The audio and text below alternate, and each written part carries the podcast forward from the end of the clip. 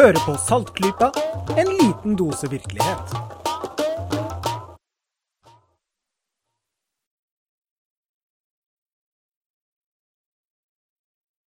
God kveld, god kveld og god kveld. Velkommen til Saltklypa. Vi er oppe i episode nummer 189.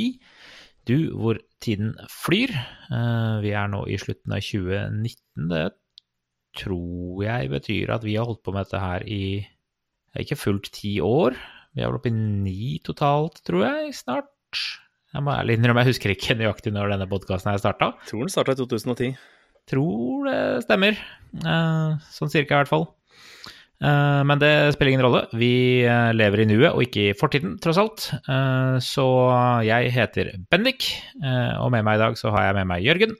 Hallo, hallo. Eh, og det er eh, alle jeg har med meg i dag, fordi vi hadde litt eh, frafall i panelet pga. Ja, litt diverse, litt diverse ting her og der som muligens blir nevnt senere. Altså, jeg syns det er litt dårlig, da. Altså, her står jeg og er forkjøla og har så vondt i ryggen at jeg ikke kan sitte. Men jeg er med på podkasten, da. Men de andre, de feiger ut, vet du. Ja, bare sånn der eh, graviditet og bare er i en annen by og bare sånn Det er amatører hele gjengen. Ja. Ikke noen gyldig unnskyldninger, det, å ikke, ikke være til stede eller noe Nei, vent, never mind. Uh, men som sagt, uh, det har ikke skjedd noe særlig spennende nytt uh, i det siste, så vi tenkte vi skulle holde oss i fortiden i dag. Vi tenker alltid tilbake til fortiden. Og er det én ting du er god på, Jørgen, så er det gamle ting. Ja, uh, får jo bare si at vi hadde jo en plan om å ta noe litt mer dagsaktuelt. Uh, så dette er en uh, nødløsning. La oss bare være ærlige på det. Ja, ok. Så vi skal snakke om gamle ting. Vi skal snakke om vikingskip. Og, ja, de er gamle, de. Ja, de er gamle. Eh, og, for det har jo skjedd en del nyheter i arkeologien på nettopp vikingskip, så jeg tenkte å bare gi en sånn kjapp sammenfatning. Dette er ikke den store, dyptpløyende saken fra dypt inn i forskningsverden, for eh, dette er noe jeg følger bare sånn forsiktig fra sidelinja, og ja Noe vi fant at vi skulle snakke om akkurat nå. Så sånn er det. Ja. Men ja, har du fått med deg at eh, det har skjedd spennende ting med vikingskipene? Det, jeg, jeg fikk det med meg på den eh, dummeste måten. Uh, det var et spørsmål i Morgenbladets quiz for noen uh, uker siden. Jaha. eh, hvor svaret var viking, eh, at det var funnet et vikingskip uh, et eller annet sted. Et eller annet sted. Ja, det, det er alt hva jeg husker, selvsagt. Så, så, så det var sånn jeg hørte om det. Eh, jeg burde jo kanskje ha hørt om det i andre medier, egentlig. Eh, men, men det var i hvert fall der jeg lærte om dette her. Så hva har dere funnet nå? Jo, det er funnet to nye vikingskip. Så det er, eh, det er ganske kult. Det første funnet det er i Østfold, på gården Gjellestad utenfor Halden. Og det ble funnet for omtrent et år siden. Det er ganske nytt, altså. Ja, det da da nyheten sprakk. Og det eh, Nyheten sprakk jo samtidig med at det var eh, stor sak om at eh, regjeringa ikke bevilget eh, fortsatt midler til opprettelse av nytt vikingmuseum. Men det skal jeg komme tilbake til. Eh, det er politikk inne i bildet her. Bare så det er nevnt. Men, eh, men det var altså funnet eh, et nytt vikingskip, ikke ved å grave, men med en av de store nye teknologiene i arkeologien, nemlig georadar. Hva er en georadar? Ja, Rent teknisk skal jeg være litt forsiktig med å si hva det er, men man bruker altså en form for radar, og man tar den ned i jorda, altså geo, geologi, eh, og fungerer nærmest som et ekkolodd. Så man får reflekser tilbake som gjør at man kan se forskjeller på eh, ulike tettheter og sånn i, i bakken, og dermed kan man se spor av ting som har vært gravd ned og sånne ting. Ja, man bruker da litt uh, radar slash sonarteknologi til, til å se jorda. Men det, det, det funker vel. Vi lever jo i 2019, så noe sånt må jo forventes. Ja, eh, dette har jo vært på gang, og i England så er de store på dette her og holdt på med det i veldig, veldig lenge. Men der har de ganske annerledes grunnforhold enn det vi har. Der har de mer sånn Ja. enhetlige jordmasser som er Og på flat mark i eh, Norge så har vi veldig mye mer blanda morenejord, så er veldig mye stein blanda med noe annet, og den steinen kommer frakta langt, sånn at det er veldig ulik eh, sammensetning i de steinene som er løst i jordmassene. Og dermed så kan du få eh, altså, bildet ser veldig mye mer komplekst ut. Eh, og vi har rett og slett bare mer stein i jorda vår enn de f.eks. har i England. Så vi får veldig mye utslag, og det er vanskelig å mellom masse steiner og si at å, her er det noe jord som er litt fetere enn jorda rundt, som kan tyde på at her er det rester etter biologisk materiale fra en husstand. Ikke sant? Eh, den er ganske vanskelig. Så det å drive med georadar i Norge er en helt annen ting, og det er her relativt nytt. Så man har holdt på med Tidligere, tidligere så er vel uh, Eller de fleste funn er det, Nå stiller jeg spørsmål. De fleste funn er vel funnet av at når man allikevel gravde der av en eller annen grunn, og så tilfeldigvis slumper man over uh, noe, og så kontakter man uh, arkeologer som, som, kommer og sjekker. Eller Tilfeldig skal... eller, eller, eller, målrettet graving. Det er, det er nok mest da, ved målrettet graving at det kommer fram, da. Ok. Så dette her er jo et eksempel på at man kan gjøre målrettet graving. Eh, at man faktisk leter med jeg, jeg, har lyst til å lete der, og ja. bruke radaren i stedet for uh, å, å, måtte grave, faktisk grave. Ja, det er akkurat det som er uh, den store, viktige tingen med georadar, er at du kan se ned i bakken uten å grave. For i det øyeblikket du stikker spaden i jorda, så ødelegger du det du graver i. Så en mm. utgraving kan man bare gjøre én gang. Og alt du ikke klarte å dokumentere og finne da du gjorde det, det er tapt og ødelagt. Så derfor er det veldig viktig at vi eh, venter med å grave ut til vi har, eh, får maksimal utbytte av det. At vi eh, har god forståelse for hva vi kan forvente å finne, og, har den kunnskapen vi trenger for å gjøre det på en god måte. Ja. Så georadar er helt fantastisk.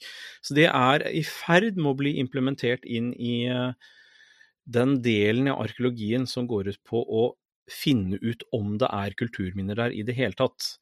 Dette er litt sånn forvaltningsting, så nå kan jeg lære dere litt om det også. Eh, man graver i jorda i Norge for å finne gamle ting, først og fremst når man skal bygge noe nytt som vil, hvor nybyggingen vil rasere kulturminner som er i jorda. Da er det man eh, graver. Det var, det var, litt det jeg tenkte på når jeg, når jeg sa liksom grave, grave tilfeldig for å finne ting. Ja, men altså eh, det, det, hender jo at folk driver og bygger et eller annet, og så plutselig dukker det opp et eller annet spennende, og så blir det meldt inn. Men det er ikke den vanligste måten. Den vanligste måten er ved at noen melder inn at de har et byggeprosjekt, og så går fylkets arkeologer ut og registrerer. Da skal de, eh, med å gjøre så få inngrep som mulig, finne ut om det er noe. Så da går man eh, på jorder, så går man gjerne med gravemaskin og skaver av den delen av jorda som har blitt eh, romstert i av plogen. Uh, og så ser man hva som dukker opp under, og skal prøve å fjerne minst mulig av det som måtte være under. Og Der kan man finne avtrykk av hus og graver og masse spennende. Eller så går man i skauen og stikker spaden i jorda og lager noen sånne prøvehull. Og ser man finner noe og teller det opp og så videre. Det er mye brukt i eh, steinalderarkeologien. Um, og så får man på en måte en rapport da med dette ser ut til å finnes her, og så beregner man hva Eh, hvor viktig det er kulturhistorisk, eh, og hva det vil koste å grave det ut hvis eh, utbygger fortsatt vil bygge ut med de ekstra bekostningene som kommer. Ja. Og det, Den prosessen her gjør at når man da bygger ut, så er alle budsjetter lagt, og tidsplaner er lagt osv., så, videre, så det skal være forutsigbart for utbygger. Men det er klart det kommer en kostnad på det. Hvis ikke man gjør dette sånn helt privat uten å skulle tjene penger på det, da kan staten gå inn og sponse utgraving. Mm -hmm. Så sånn er det. Men eh, det som er i denne prosessen med å registrere kulturminnene og skal gjøre minst mulig inngrep, da er det at georadar kan være helt genialt hvis man får det til å fungere som det skal. Så det er, og det er i ferd med å skje. Den nye Ringeriksbanen som skal gå da mellom Oslo og Ringerike, uh, når den kommer i gang, nye togbanen. Uh, I sammenheng med den så er det gått mye med georadar som et forskningsprosjekt, og de har funnet masse. Det som er spennende og vanskelig med georadar, er at man får jo bare en, et bilde som må tolkes. Ja. Og man vet jo ikke om man har tolket riktig, om det er man mener å se noe som egentlig ikke er der, at det er tilfeldig, et tilfeldig utslag av noe helt annet, eller om det er ting som er der som man ikke legger merke til. Ja, for det kan jo skje med tolking. Det kan skje. Det er Klart, med mye erfaring så vil man etter hvert bli gode på å finne ut sånne ting. Men vi har ikke mye erfaring med georadar i Norge. Så derfor er dette fortsatt eh, på forskningsnivå, hvor vi går inn med georadar, vi ser hva vi tror vi kan finne, men vi er nødt til å gå etter og grave på ordentlig for å bekrefte eller avkrefte georadarfunnene. Så Det er der vi er nå i forskningssammenheng. At dette er Vi begynner å se ting med georadar, eh, og som jeg snart kommer til, så har vi funnet dritkule ting. Eh, men fortsatt så er det sånn at vi må stikke spaden i jorda for å bekrefte det. Så er det jo da det som da kom for et år siden, at uh, i Østfold, på gården Gjellestad, så er det, der er det noen svære gravhauger. Dette er rett ved den store Gjellhaugen, som er berømt for dem som er inni dette her. Uh, der er et jorde hvor man vet det er fjerna gravhauger, og der gikk de med georadar. Jeg vet ikke begrunnelsen for hvorfor de begynte å gå der, det har jeg ikke vært inne i. Poenget var hva de fant. Mm. Eh, og der fant de avtrykket av en gravhaug med et veldig tydelig skips... skipsformet uh, mønster i midten. Kult. Ja. Så det oser jo at dette må være en skipsgrav. Og dem kjenner vi altså fra vikingtid. Det er også mindre båtgraver fra noe tidligere, men, men det er primært vikingtid vi snakker om. Hmm. Så det Og så har vi jo altså øh, I Oslo, på Bygdøy, så har vi øh, Vikingskipshuset som er Norges best besøkte museum. Eh, det er jo en turistmagnet uten sidestykke, det er dritkult. Og der har vi eh, to skip og et skipsvrak som står. Så det er eh, Osbergskipet, Gokstadskipet og Tuneskipet. Ja. Tuneskipet er fra Østfold, fra samme region som dette nye georadarfunnet. Og det å liksom plutselig begynne å øke antall skip Jo, forresten, vi har et fjerde skip der også, men der er det Den har vi stort sett bare jernboltene fra eller naglene fra sammenboltinga av skipsplankene. Det er eneste som er igjen fra boreskipet. Men, eh, men, det å kunne øke antall skip, det er jo kjempeviktig. Det er så mye vi ikke vet. Ja, for liksom det, det, er liksom omtrent så mange skip vi har, eller funnet i god stand i hvert fall, de, de som står på museene der. Det er ikke sånn at er, vi har, fant enda et, så big whoop. Det er en uh, markant økning uh, i antall uh, skip man har tilgang på. Ja, og så er det det Noe av det vi lurer veldig på når det gjelder vikingskipene, det er sammenhengen med sagalitteraturen og benevnelsen av ulike skipstyper. Altså, vi har mm. langskip som er nevnt, vi har andre skipstyper som er nevnt. Men hva er hva? Hva er det vi har funnet? Er det langskipene, eller er det noe helt annet? Uh, og før vi har funnet flere skip og får litt mer statistikk på det, så begynner det å bli Det er veldig vanskelig, altså. Så det er masse, masse, masse vi ønsker å, å vite. Eh, så var det da i år at det ble annonsert at det er funnet et vikingskip til med samme metode. Ja. Og da er vi fortsatt i, ved Oslofjorden, men da på andre sida av fjorden, eh, i Vestfold.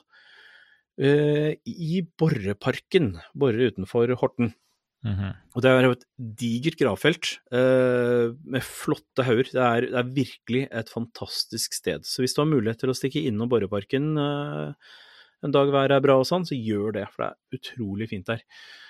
Men der har de også Jeg vet heller ikke der foranledning for at det gikk med georadar, annet enn at det er et veldig spennende område, og Vestfold fylke prøver å bygge seg opp som sånn det store vikingfylket mm -hmm. for å trekke turister og selvfølgelig uh, egen anseelse osv. Uh, så, men de har funnet et nytt et der. Uh, og det er jo kult. Plutselig så har vi to skip til, tror vi. Men av, begge avtrykkene er tydelige nok til at det er liten tvil om hva som er nede i bakken. Mm -hmm. Så det er kult. Og i Borre så har vi altså funnet et skip fra før av, selv om vi da altså bare har jernnaglene igjen og litt av uh, gravgodset, for det er fra graver dette her. Um, så vi har sjansen til å finne ut mer, da. Ja. Så er jo da spørsmålet, uh, ja, hva gjør vi hvis vi faktisk har to nye skip liggende i bakken? Er de i god nok stand til at det er noe som kan stilles ut? Er de i god nok stand til å bli gravd opp? Er de gode nok? Sant? Ja, altså, det kan alltids graves opp og dokumenteres, mm. men spørsmålet er om du kan ta opp et skip, eller om du bare har et avtrykk å dokumentere. Ja. Men hvis det da er faktiske tredeler å ta opp, har vi noe sted å ha det? Mm. Har vi penger å bruke på å bevare det? Det er liksom den store problemstillingen. Og der er det vi kommer inn på noe av politikken, da. Eh, da dette funnet i Østfold ble publisert, eller eh, offentliggjort, for et års tid siden. Eh, at det kom samtidig med at regjeringa ikke skulle bevilge fortsatt støtte til bygging av nytt vikingmuseum på Bygdøy. Og vi har et kjempeproblem med nåværende vikingskipshus, at det, forholdene er ikke bra nok for skipene. De står der og, og går i stykker. Ja, ja. unødvendig, fordi eh, museet er for dårlig, rett og slett, for formålet. Så hva skal vi gjøre? Den politiske historien har tura godt. Man har da vedtatt å ta en eh, enkel, en foreløpig utgraving av skipet i Østfold. Mm. Der har man nemlig eh, tydelige spor av en dreneringsgrøft som har blitt i nyere tid gravd gjennom graven. Og så det man har gjort nå i høst, er å avdekke i overflaten, så man ser omrisset, og så har man eh, gravd etter den dreneringsgrøfta, brukt mm. den som utgangspunkt, og, og dermed fått et skjær gjennom skipet, og, og kunnet dokumentere. Og det har de skrevet, eh, de har blogget litt om det, eller blogg og blogg, de har skrevet litt i en artikkel som ble oppdatert dag for dag. Uh, som vi skal lenke til. Der kan dere lese litt om det. Men de har altså funnet uh, helt tydelig et skip, bare så det er sagt. Men det er jo nesten ikke noe treverk bevart der de har den stripa gjennom skipet. Eh, Så det man ser er at det er eh, Dette er sånn vi veldig ofte jobber, da, at vi lager en profil, at vi kutter tvert ned i jorda. Og så ser vi rett og slett fargenyanser og kjenner på konsistensen i jorda og sånn, og kan finne avtrykk av ting som for lengst er råtna vekk, men, men avtrykket av det er der fortsatt i jorda. Det er noe av det vi arkeologer da blir eksperter på. Ja. Uh, og det har de, det er veldig tydelig, og det er flott å se på. Eh, så gå gjerne inn på den artikkelen og, og kikk. Eh, og så er det litt sånn kryptisk for dem som ikke er helt inni det, men eh, det er en anledning til å prøve å kikke litt på bildeteksten og se om du skjønner da hva som er på bildet. De har funnet kule ting. De har da selvfølgelig veldig pent avtrykk av eh, plankene. De har funnet eh, eh, jern, jernsømmen, som det heter, som da holder plankene sammen. Mm. De har funnet kjølen, og kjølen, det er der de, den uh, dreneringsgrøften har gått, der er kjølen noenlunde intakt. Der er den ordentlig massivt tre. Okay. Så der har de sagd over, uh, og da får de treverk som de kan analysere mer. Så de håper å få det som heter dendrokronologisk datering, uh, det vil si at de teller årringer. Man bruker altså årringene og avstanden mellom dem for å se Sammenligne med tidligere vekstkurver vi har fra andre trær, når det treet som ble er i kjølen, vokste. Ja. Og er de heldige og finner eh, ytterste årringer mot barken, så kan de kanskje si på året når det treet ble felt. ja, imponerende. Det er imponerende. Så det er, eh, Vi vet jo ikke resultatene av dette ennå, men, men det er mulig vi kan finne ut.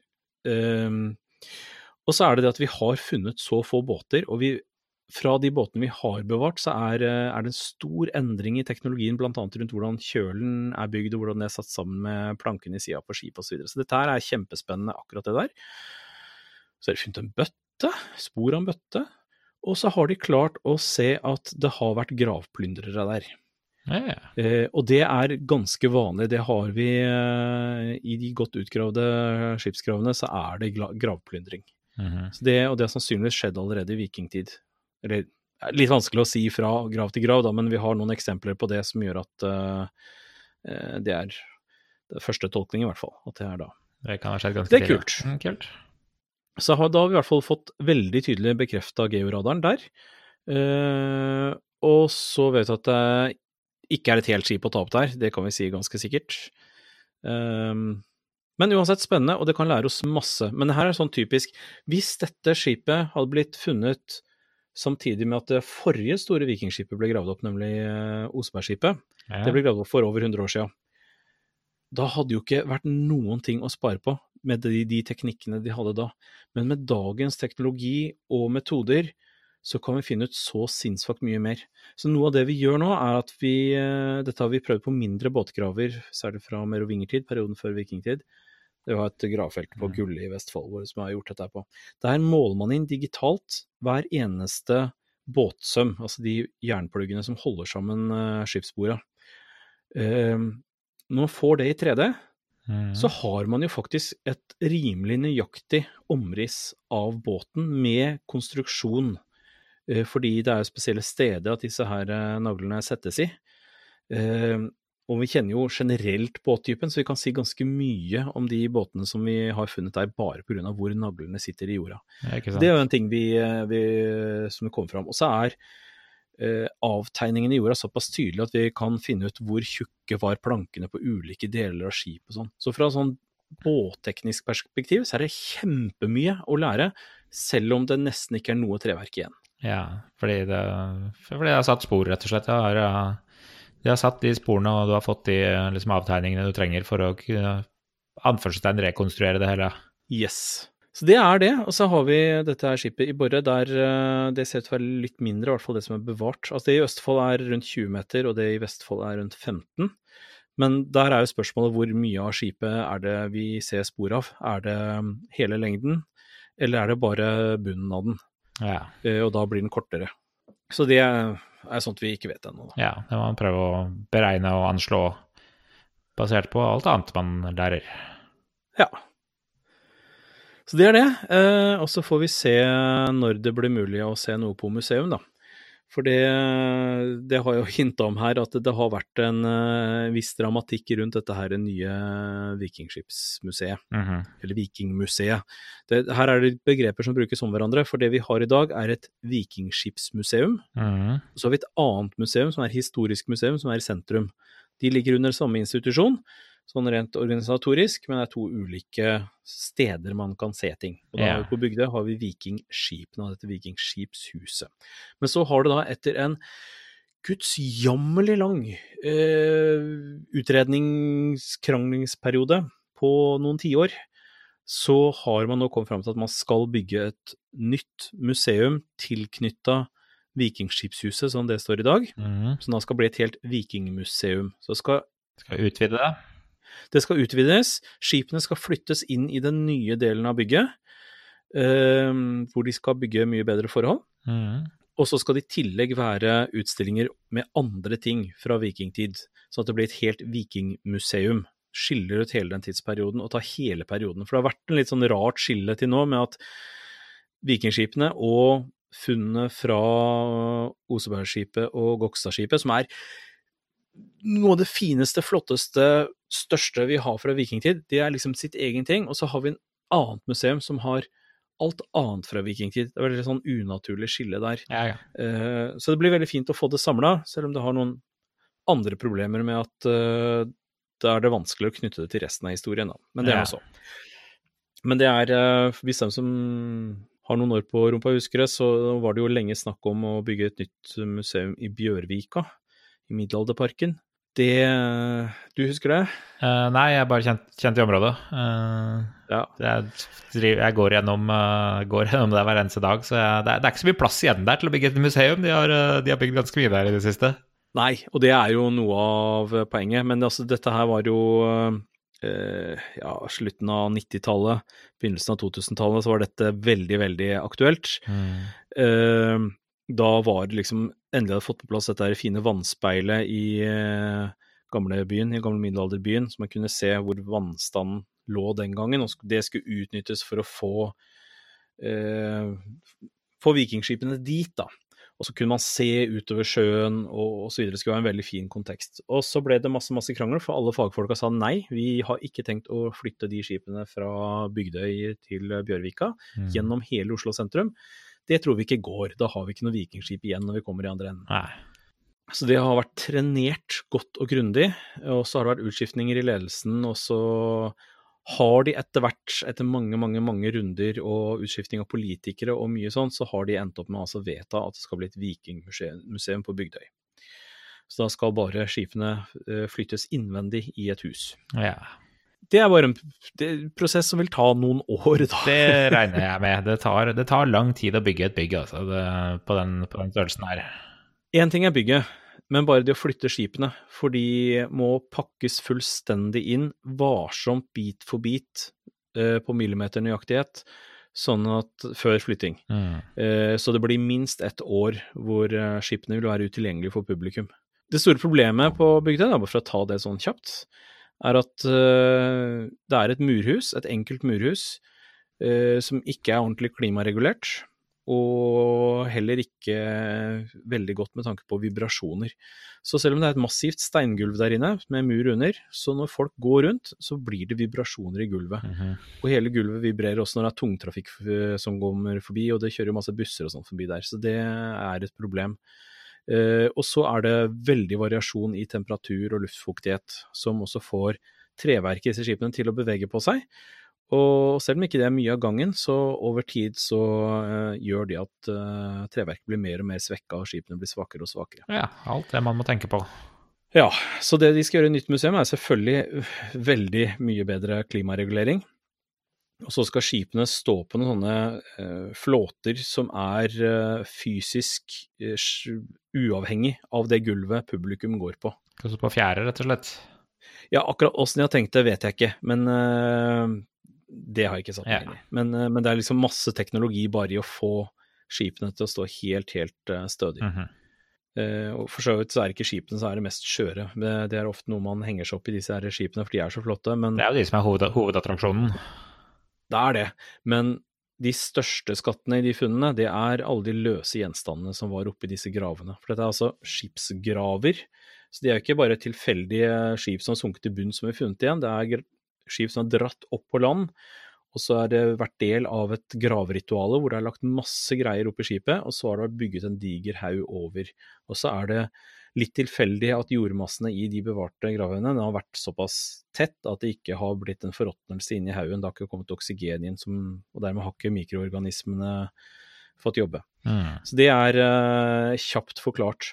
Og det er da kjempehøystatusting. Jeg tror vi jeg pleier å si, og jeg tror det er riktig, at fra Osebergskipet alene så har vi eh, flertallet av tregjenstandene vi har funnet fra vikingtid i Norge. Ja, ja fra det ene funnet. Så, og, de tingene er stort sett i veldig, veldig mye dårligere forfatning enn skipet. Ja, for det, det, det, er jo en ting som blir nevnt hele tiden. Vi som, som, nordmenn så legger vi jo veldig mye historie, og vi har jo liksom veldig mye historier og kultur og, og alt slikt rundt vikingtiden, men egentlig så, så er den ganske dårlig dokumentert, er den ikke det? med, med liksom hvor mye ting vi har faktisk funnet. og Den er godt dokumentert fra den tiden, men med, med en del bøker og, og, skrifter og skalder og sånt. Men, men liksom antall ting vi faktisk har som har overlevd de tusen uh, årene, de, det er ikke så veldig mange, er det det? Ja? Jo, det er det faktisk. Det Er det, ja? Da tok jeg feil. Ja, vikingtida er en eh, veldig funnrik periode. Eh, så det er, det er, en tid hvor man uh, la veldig mye gjenstander i gravene, og det er der vi hovedsakelig finner løse gjenstander, hverdagsgjenstander. Det er ting man la bevisst ned i gravene, og gravde ned. Dermed er det blitt bevart. Ah. Um, og det er en av de periodene fra norsk forhistorie hvor det var såpass mye folk også, at det, liksom, det er stort sett uh, mye funn, fordi det har vært mange folk. Uh, så det er litt sånn at nesten hvor som helst du er i, uh, i hvert fall i Sør-Norge, og går i eh, gammel, brukt jordbruksområde, så kan du stikke spaden i jorda og finne noe fra vikingtid. Mm. Så det er, det, er, det er, faktisk veldig mye funn. Men det er klart, eh, problemet med graver, da, bare for å ta det siden du nevner det, eh, det er jo at det er, det er jo ikke hverdagen. Det er et skapt bilde som noen har laget. Det er ikke et stillbilde fra virkeligheten. Ja. Det er noen har bevisst lagt noe ned i en grav av religiøse årsaker, av tradisjonelle årsaker, av sosiale årsaker, for de har noe å vise fram. Eh, og dermed så det, må vi regne med at det i stor grad er idylliserte bilder av den avdøde vi finner i graven. Eh, så hva som er hverdagen, hva som er virkeligheten, det er vanskelig å si. Ja. Og Der er det at det lille vi har av sagalitteratur og runesteiner og sånn, kommer som en veldig god ekstrainformasjon som hjelper oss å forstå det arkeologiske materialet. Men det er jo egentlig mye mer arkeologisk materiale enn historisk materiale, altså skriftlig materiale. Sånn at egentlig så er det arkeologien som er hovedkilden, vil jeg si, da. I hvert fall på ting vi finner i Norge. Når det gjelder vikingenes herjinger sørover i Europa, så er det litt annerledes. Der er det mye som er skrevet ned, og lite som er funnet. Ja. Jeg vet eh, Jeg kom på det da når jeg var inne på Jernbanetorget T eh, for noen dager siden. Mm. Og der sto det en annonse eller en reklame for en utstilling hvor de sa at de hadde Norges eneste vikinghjelm på utstilling, eller noe sånt. Det stemmer. Og da begynte jeg å tenke liksom Oi, har vi, vi Vi legger veldig mye vekt i den der ene vikinghjelma, vi tydeligvis. Ja, vi gjør det. Det, det er ganske interessant. Eh, men altså, vikingenes hjelmer er jo berømte. Mm. Berømte for ikke å ha horn. For, eller for, å ha horn. Uh, i- Ja, de fleste i- nå vet at de ikke hadde det. Men, men, men populærlitteraturen, i hvert fall. ja, ikke sant? poenget er jo at uh, hele den der debatten der, altså populær, den moderne vulgærpopulærversjonen med horn, folk vet at det er tull. Uh, men, men hele den debatten har gjort at det er en veldig stor bevissthet rundt disse hjelmene. Så når vi faktisk har ikke bare Norges eneste vikinghjelm, men verdens eneste vikinghjelm, Ja. så er jo det noe å trekke fram, helt klart. Uh, den er for så vidt funnet borte ved der jeg jobber, uh, i nærheten av, eller på Hønefoss. Uh, I nærheten av museet vårt. Vi har prøvd å få på utstilling hos oss, det har ikke gått. selv om vi var på nippet til å få tak i den. Kanskje vi får det til en dag. Men nei, den er stilt ut nå. Jeg nevnte dette med nytt museum og nye utstillinger, for det skjer en del Jeg skal prøve å forklare det som kommer om den eh, utstillingen som hjelmen står i nå. Eh, fordi det har altså vært masse fram og tilbake om nye museer både her og der, og så har eh, nye utstillinger på eksisterende museum blitt satt på frys til og med fått avklart hvor det blir nytt museum, når det blir nytt museum. Og så har altså eh, de forhistoriske utstillingene på Historisk museum har stagnert. De har stått stille i påvente av at det skulle skje noe i mange år. Så begynte det å skje ting for noen få år siden, og så har de begynt å bytte ut. Og så samtidig må de pusse opp huset, og de har masse trøbbel med det. Driver de litt sånn eksperimentelle utstillinger, vil jeg kalle det. Eh, og de har da tatt ned den vikingtidsutstillingen som har stått der i mange, mange år, som det er mye rart å si om, men det bra å si om den er at det var veldig mange gjenstander på utstilling, så for en nerd som meg var det kjempegøy å gå og se. Uh, men når den er nede, så har det et stort savn. Så nå har de satt opp en ny vikingtidsutstilling som er å anse som en midlertidig utstilling. Mhm. Den heter da Vikinger. Så det er uh, den norrøne måten å si viking på. Ja. Og den uh, har da utstilt Gjermundbu-hjelmen. Gjermundbo. Ehm, så gå gjerne og se den hvis du er interessert. Det er en veldig pen utstilling. Jeg tror den er laget av arkitekter. Den ser ikke ut til å være laget av arkeologer. Det er eh, Nei, det er Nå må jeg som arkeologiformidler få lov til å sukke litt. Da. Jeg, det er en pen utstilling.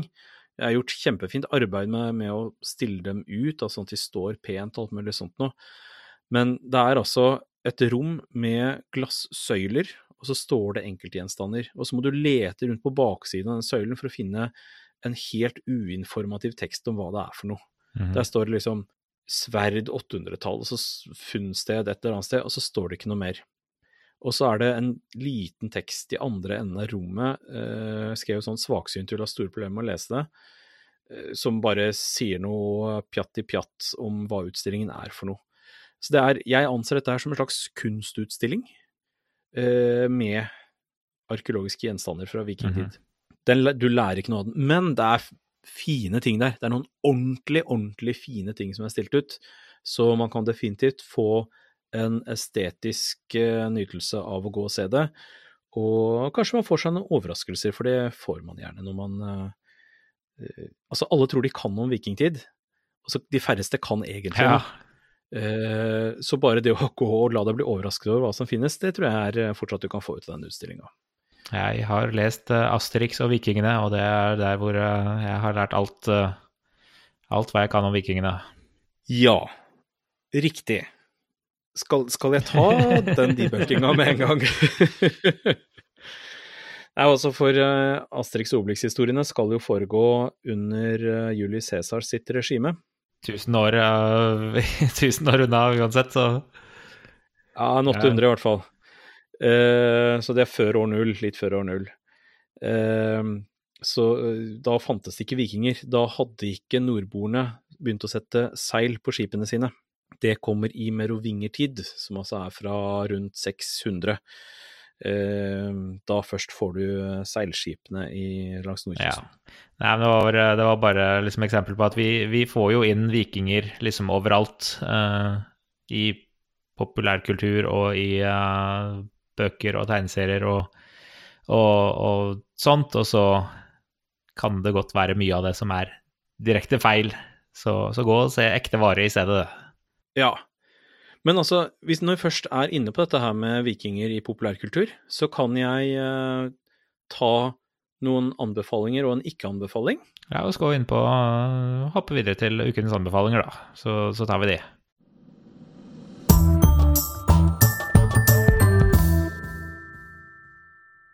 Ja.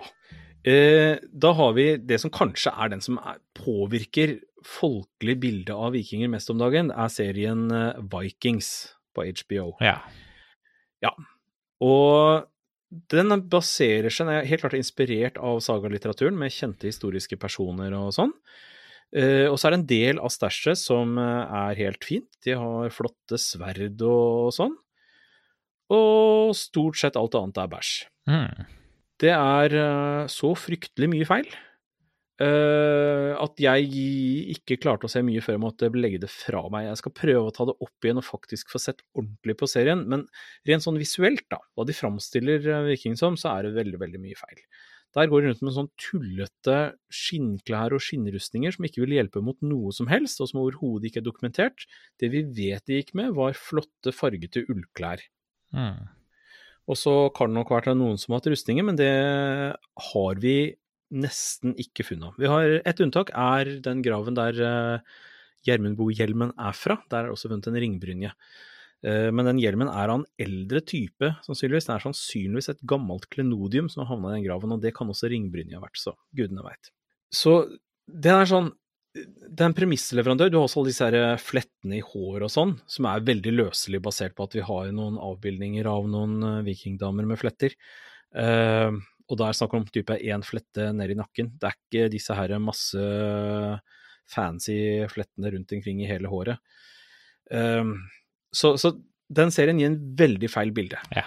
Og det er masse folk nå som går rundt med fancy hårfrisyre og sånn og er vikinger, og så er det jo ikke det. Det, det ser jo kult ut, jeg syns det er en kul stil, men det er ikke vikingtid. Så det var ikke anbefalingen. Men når det er sagt, så er det et par norskproduserte vikingting som jeg syns er dritkult. Det ene er Vikingene på NRK. ja, var det den, uh, den komiserien? Den uh, Det er komiserien. Og den tar på en måte stilen fra Vikings, Uh, og i og med at det er en komediesituasjon hvor man gjør narr av ting, så syns jeg det er greit. Da, da ler jeg av det sammen med alt mulig annet. Og så er det Humoren er litt mer sånn eh, type The Office-type humor. Eh, du tar små, dumme, hverdagslige problemstillinger fra vår moderne tid og putter inn i vikingverdenen. Jeg syns det er Mhm. hysterisk morsomt. Så Vikingene, eh, se den. Og så er det mm, nyere. Eh, da er vi vel på HBO igjen, nå husker jeg ikke farta, men det er eh, Beforeigners, heter den på engelsk. Fremvandrerne, heter Ja. på norsk. Den er også fantastisk. Igjen så bruker den mye av eh, det visuelle fra Vikings-versjonen av ting. Hakket bedre, men, men ikke så veldig mye bedre. Men det som er så kult med den, er at den handler jo egentlig ikke om vikinger. Eh, eller 1800-tallet, eller steinalder, som også går inn i den serien. Eh, det handler jo egentlig om innvandring. Så det er, alt er et bilde på noe annet. Men de, det er helt tydelig at i den serien så har de hatt med folk som virkelig kan mye om kultur, som har vært med på å bygge opp denne verden. Sånn for meg som fagmann, så sitter jeg og får sånne der frydefulle sjokk av at nei, har du med det og det, og nei, men det var en fin overgang, åh, den samlingen der var helt Mhm. fantastisk. Den er helt nydelig serie, en sånn eh, det er jo en politiserie, etterforskning. Eh, Det er litt nordisk noir, sammenblanda med komedie, og sammenblanda med eh, da, tidsvandring. Eh, Dritkul serie. Anbefaler den på det varmeste. Skal jeg se om uh, vi legger til den på playlisten uh, vår her i huset. Ja, jeg anbefaler det. Det er selvfølgelig ikke alle som har eh, eh, lik smak, eller har forutsetninger for å få det samme ut av det som det jeg gjør, men eh, i hvert fall her i husholdet med to arkeologer, så mm -hmm. er vi helt betatt.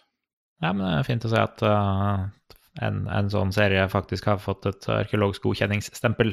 Ja, altså som sagt, det er mye som ikke er riktig, men, men det, er, det er også ting som øh, må være litt sånn for at de skal få fram ja. pengene sine. Så poengene er gode nok til at jeg helt fint aksepterer de tingene som er åpenbart litt feil.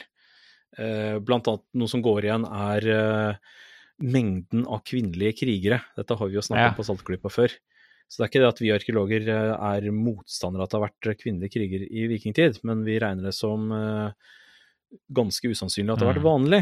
Mens i Vikings og i delvis i Vikingene og i Beforeigners så ser det ut til at eh, liksom, der er krigerkvinner vanlig, da.